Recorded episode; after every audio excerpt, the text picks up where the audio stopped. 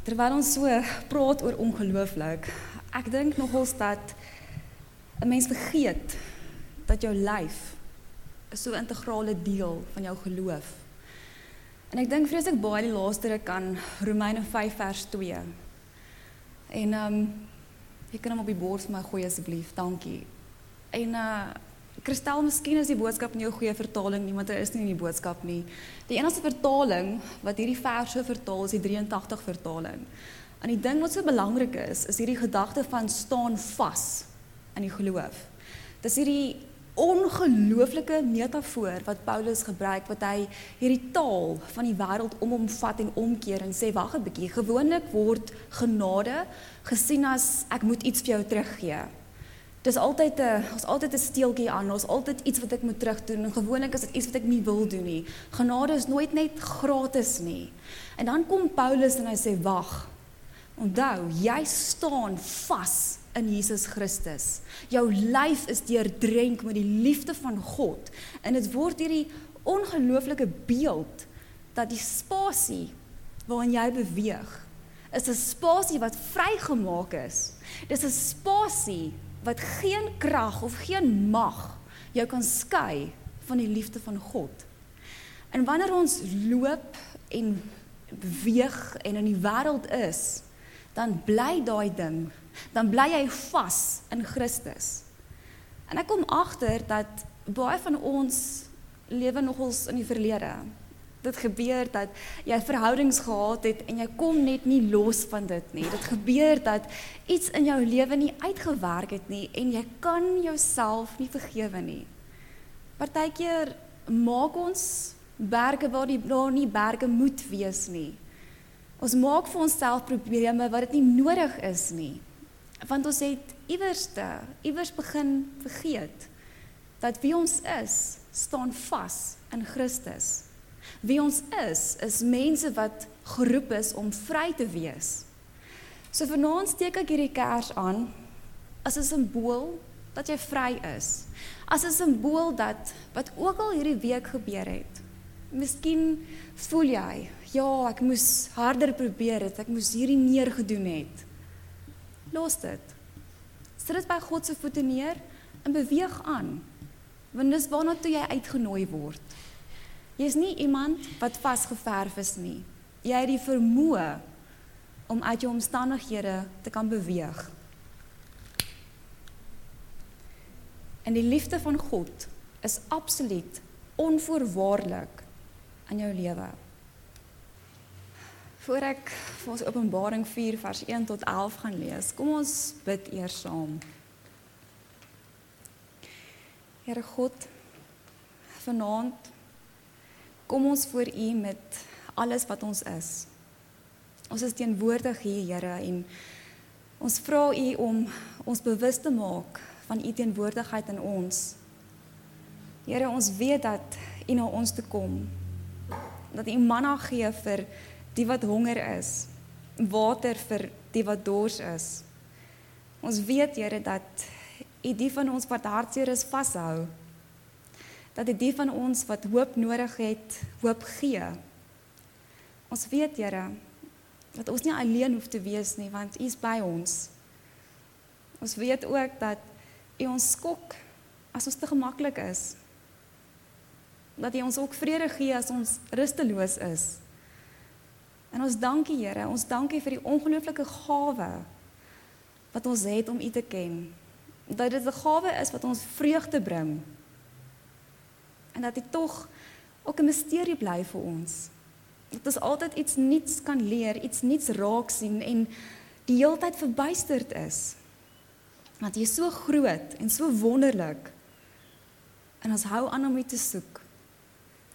Here, ek wil vra dat U vanaand regtig in ons harte sal kom oopmaak wat U vir ons wil sê. Ek bid dit in U naam alleen. Amen.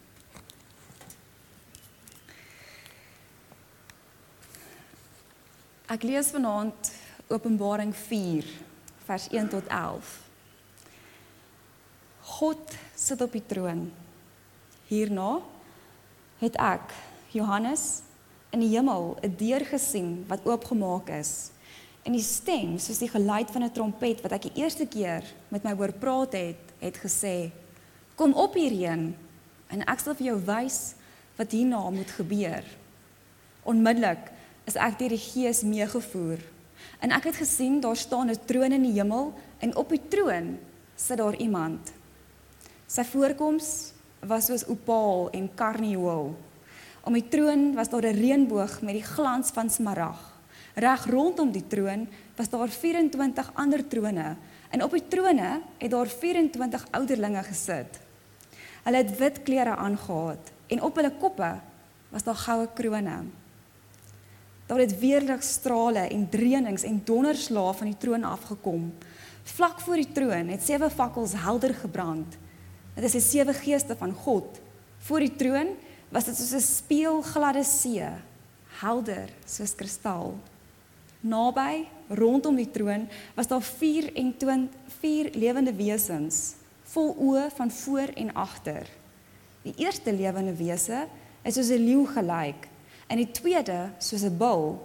Die derde het 'n gesig soos die van die mens gehad, en die vierde het gelyk soos 'n arend wat vlieg.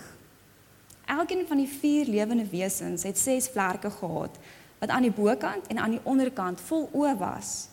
Hulle het dag en nag sonder om te rus gesê: Heilig, heilig, heilig is die Here God, die Almagtige.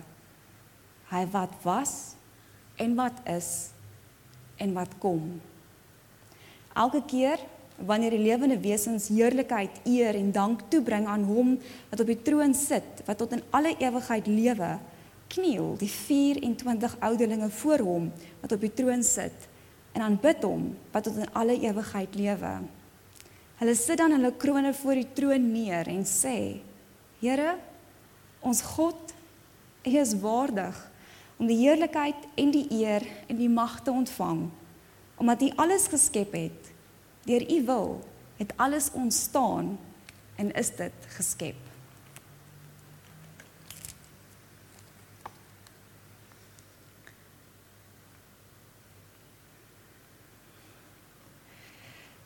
Op die oomblik praat ons 'n bietjie oor jou lyf. Oor die feit dat jou lyf is die plek waar God jou ontmoet. Dis tog die enigste geloof waar Jesus Christus lyf geword het om vir mense te kom wys hoe om te lewe. Dis die geloof wat ons in vas staan. Maar as ons vertrekpunt lyf is om te sê dat dis deur my lyf wat ek agterkom, dis wil my identiteit kom van God af. Dan moet ons vir 'n oomblik net 'n tree terugneem En dit gou vir mekaar herinner. Hoe kyk die antieke mens na die lyf? Want jy sien, die antieke persoon verstaan sy lyf as iets wat geïntegreerd is met sy omgewing. Dit beteken dat daar is magte en kragte wat 'n invloed kan hê op my en net soos wat hierdie magte en kragte op my 'n invloed kan hê, kan ek ook 'n krag 'n inwerking hê. Daar's hierdie verstaan dat goed my beïnvloed en wat ek sê en wat ek doen beïnvloed ander om my. As ek dit so sê dan dan sê alkeen van hulle sê ja, maar natuurlik. Maar vir een of ander rede het ons in ons moderne mens se denke begin sê nee wag. Hier's my lyf, hier's my gees, hier's my siel. Ons skei die dinge. En dan kry ons dit reg om so disconnected te lewe. Ons Ons maak asof dit wat ek met my lyf doen, het niks uit te waai met my geloof nie. So ek kan pornografie kyk en myself seermaak en dit maak nie regtig saak nie want ek kan jammer sê en is oukei. Okay. Maar dit is nie regtig oukei okay nie, want dit impak op my. Ons maak so asof wat ek met my gees doen, gaan nie my lyf seermaak nie. So as ek die hele tyd vir myself sê ek is nie goed genoeg nie, ek is sleg en ek is lelik, dan gaan dit asof asof dit nie my gaan beïnvloed, asof my lyf nie later begin so lyk like nie. Ons kan nie so werk nie.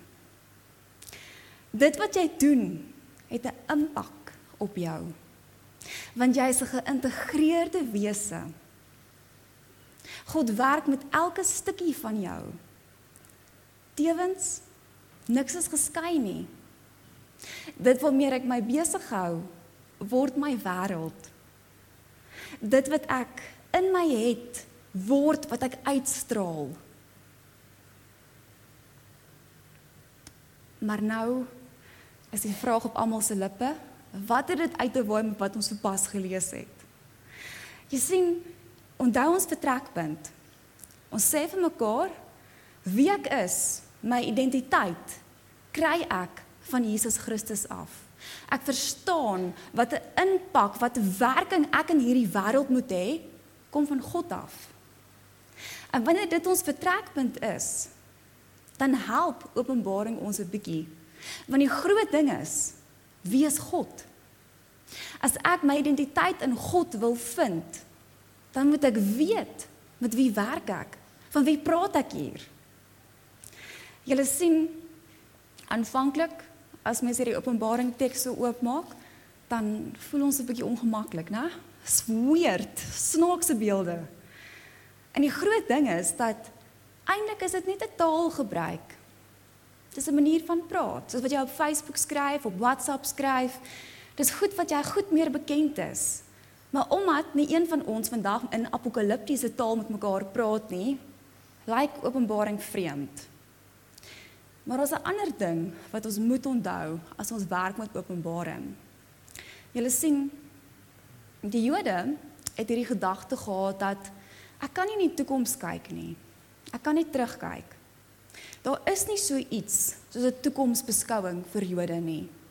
Wat daar is, is hierdie gedagte van ek kyk terug en omdat ek weet God was daar in die woestyn, God was daar in Egipte, God was nog die heeltyd by ons, weet ek God is nou by my en daarom kan ek met sekerheid weet môre gaan God by my wees. So as ons kyk na Openbaring, is ons nie besig om met 'n boek te werk wat iets wil praat oor die toekoms nie. Glad nie. Dis 'n boek wat vir ons wil sê, waar is jy nou? Hoe lyk dit om jou nou en wat doen jy daaromtrent? Want onthou, hoe lyk die gemeente van Openbaring? Daar's sewe gemeentes en as ons so hoofstuk 2 en 3 saam lees, dan kom ons agter hierdie is mense wat swaar kry. Dis mense wat deur 'n tyd gaan wat dit onbeskryflik aaklig is. Want aan die een kant is daar hierdie Romeinse mense wat hulle die hele tyd wil vervolg. Aan die ander kant is daar hierdie Joodse vriende wat hulle gedink het vriende is wat nou sê wag 'n bietjie. Ek kom agter wat jy glo is anders as wat ek glo. En daarom kan ons nie meer vriende wees nie. Ek gaan nie dat jy van my voorregte gebruik nie, so ek gaan lewer jou uit aan die Romeinse owerhede. En dan wat ook gebeur is dat hierdie Christene is arm. Want niemand wil meer besigheid doen met 'n Christen nie, want 'n Christen lyk like anderste. 'n Christen is nie besig om saam met die res die keiser te aanbid nie. 'n Christen staan uit. En ewe skielik is hierdie mense op 'n plek waar dit onbeskryflik sleg gaan. En dan kom daar sulke predikers tussendeur. En die predikers sê: "Ag, wat? Hoorie, ek dink ek dink julle moet weer teruggaan na die Joodse manier toe. Dis dis nie nie moeite werd nie. Kyk hoe sleg gaan dit met jou. Wat wat doen hierdie Christus dan nou vir jou?" En dan kom daar hierdie aanslag eintlik op hulle geloof. En dan sê die gemeente vir mekaar: "Nee, mm -mm, nee. Ons weet wie God is. Ons weet waar ons vandaan kom. Ons verstaan dat die God in wie ons glo is die enigste kragtige uitwerking, is die enigste uitwerking in hierdie wêreld wat saak maak. En dan kom hierdie hoofstuk, hierdie hoofstuk 4 en 5 is hierdie absolute prys en loof en liturgie vir hom te sê, maar kyk wie is Christus? Kyk hoe heilig is God. Kyk hoe ongelooflik pryswaardig is God. Kyk Kyk, dis God wat geskep het. Kyk, dis die God wat nog altyd by ons is. En dan word dit hierdie ongelooflike lofprysing vir hierdie mense wat in regte tyd en regte plek lewe waar hulle vervolg kan word. Lewe waar mense konstant sleg praat van hulle. Mense wat in omstandighede is waar dit dan maar voel maar sjoe. Dis daarom daarom nou moeilik. Dit sou makliker wees om nie 'n Christen te wees nie. In hierdie omstandighede sê hulle wag, wag. Ons weet wie ons is. Ons verstaan wie Jesus Christus is. Dis hierdie ongelooflike aansporing om te sê maar wag. Ek weet as my lyf en ek geïntegreerd in geloof is, dan het ek die vermoë om moontlikhede te skep. Dan lyk ek anders as die mense om en dan het ek die vermoë om positief te wees waar ander mense nie positief kan wees nie. Dan het ek die vermoë om agter te kom ek kan iemand lief hê. Ek kan iemand 'n tweede kans gee. Iets wat die persoon langs my waarskynlik nie wil doen nie. Dan kry ek dit reg om mense te vergewe. Ek kry dit reg om my los te maak van dit wat in die verlede is en te begin agterkom maar hier binne my, hier binne my werk 'n krag wat liefdevol is, 'n krag wat my wil uitdaag om te groei, om te ontdek, om op die avontuur van geloof te gaan. Ek dink baie die laaste ruk aan 'n aan 'n verhaal van Alexander die Grote. Nou ek dink julle weet ek's 'n bietjie van 'n dork, ek's baie lief vir Griekse stories en hierdie Alexander het hierdie storie wat hy vertel waar hy in 'n oorlogssituasie is.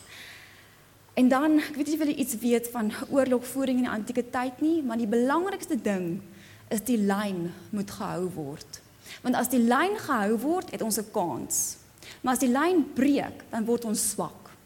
En dan het almal die potensiaal om seer te kry. So Alexander is hierdie ongelooflike bevelvoerder gewees want hy het saam met sy soldate geveg. En natuurlik as jy in Alexander se se bevel is, dan is jy iemand wat potensiaal het. Jy is nie saam met hom voor aan die voorpunt as jy dit nie kan doen nie. Dis baie belangrike ding om te weet. En dan is hulle so aan die voorpunt en Alexander sien maar hier. Hier's 'n ou, hier's 'n man wat nie besig is om sy kant te bring nie. En dan word hy woedend en hy skree: "Wat gaan aan met jou? Jy gaan die lyn laat breek." En die man skree terug: "Ek's bang." En Alexander word woedend en hy gaan nader aan hierdie ou. Hy sê: "Wat? Hoe is jy bang? Hoe is jy op hierdie kritieke punt? Hoe is jy nou bang?" En dan sê hy: "My naam is Alexander." Hierdie soldaat is in soveel angs en vrees dat die vyand gaan hoor sy naam is Alexander. Dat hulle hom gaan verwar met Alexander die Grote, dat almal op hom gaan neerkom. En dan sê Alexander vir hom: "Verander jou naam of verander wat jy doen." Ek sien ons as Christene is 'n bietjie so. Ons is mense wie ons krag vind in Jesus Christus. Ons is mense wat ons verstaan baseer op wat God van ons sê. En dis nie iets wat lou warm gedoen kan word nie. Dis nie iets wat ek net 'n bietjie doen en los en weer 'n bietjie doen nie. Dis iets wat ek voluit doen. Dis iets waarvoor ek gaan. Want die oomblik wanneer ek word wie ek moet wees, dan hou ek my lyn. Dan begin ek my lewensdoel uit te lewe. Dan begin ek regtig 'n verskil te maak. Dan begin ek in kontak te kom met my kragveld. Vir ons as Christene word ons eintlik elke dag uitgedaag om op te staan en te sê ja. Ek word bewus dat ek staan aan die genade van Christus.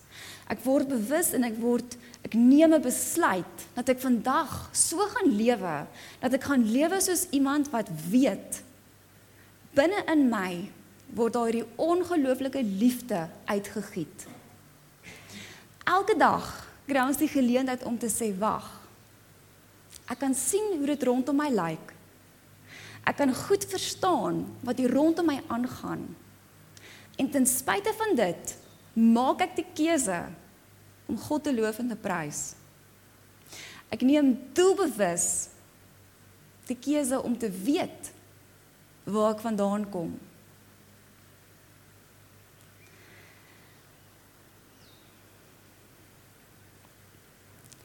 The goal of God in everything is to glorify himself, to enjoy that glory and to have his creation enjoy glorifying him forever. Om die Here te dien is iets wat vreugde gee. Om te verstaan dat jy iemand is wat die moontlikheid het om dinge rondom jou te verander is iets wat jou veronderstel is om jou met vreugde te vul. Ons is mense wat bemagtig word. Ons is nie so gemaak en so gelaat staan nie.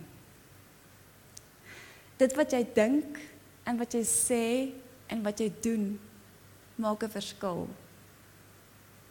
En jy hoef nie eers groot te dink daaroor nie. Begin by jouself. Want ons elkeen weet die gebod vir ons is jou naaste lief soos jouself. En ons vergeet partykeer daai laaste deeltjie. Ons vergeet om onsself lief te hê. Ek wil julle uitnooi om 'n oomblik stil te raak. Om 'n oomblik vir jouself te vra, hoe praat ek met myself? Hoe werk ek met my lyf? Hoe werk ek met myself in hierdie wêreld?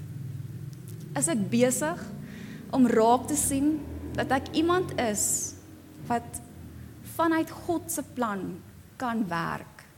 Of is ek besig om myself nie raak te sien nie? As ek besig om myself seer te maak?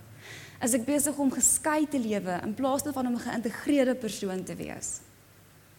Kom ons maak ons oë toe en raak bewus dat God jou uitnooi om werklik voluit te lewe. Partykeer breek ons die lyn. Partykeer word ons so oorweldig dat ons vergeet dat U is die enigste krag wat saak maak. Partykeer laat ons toe dat vrees ons afsit lam lê. Maar partykeer dan hou ons op glo dat ons mense is wat 'n verskil kan maak. Ons kyk so vas aan die dinge om ons dat ons vergeet dat ons darm nog steeds U kan prys en loof. Ons vergeet partykeer ons staan in die genade. En dat dit 'n plek is wat stewig is. 'n Plek wat nooit sal wankel nie. 'n Plek wat ons uitnooi om vry te wees. Om mense te wees wat verstaan dat U vir ons soveel meer wil hê as wat ons kan raak sien. Ons loof U en ons dankie daarvoor.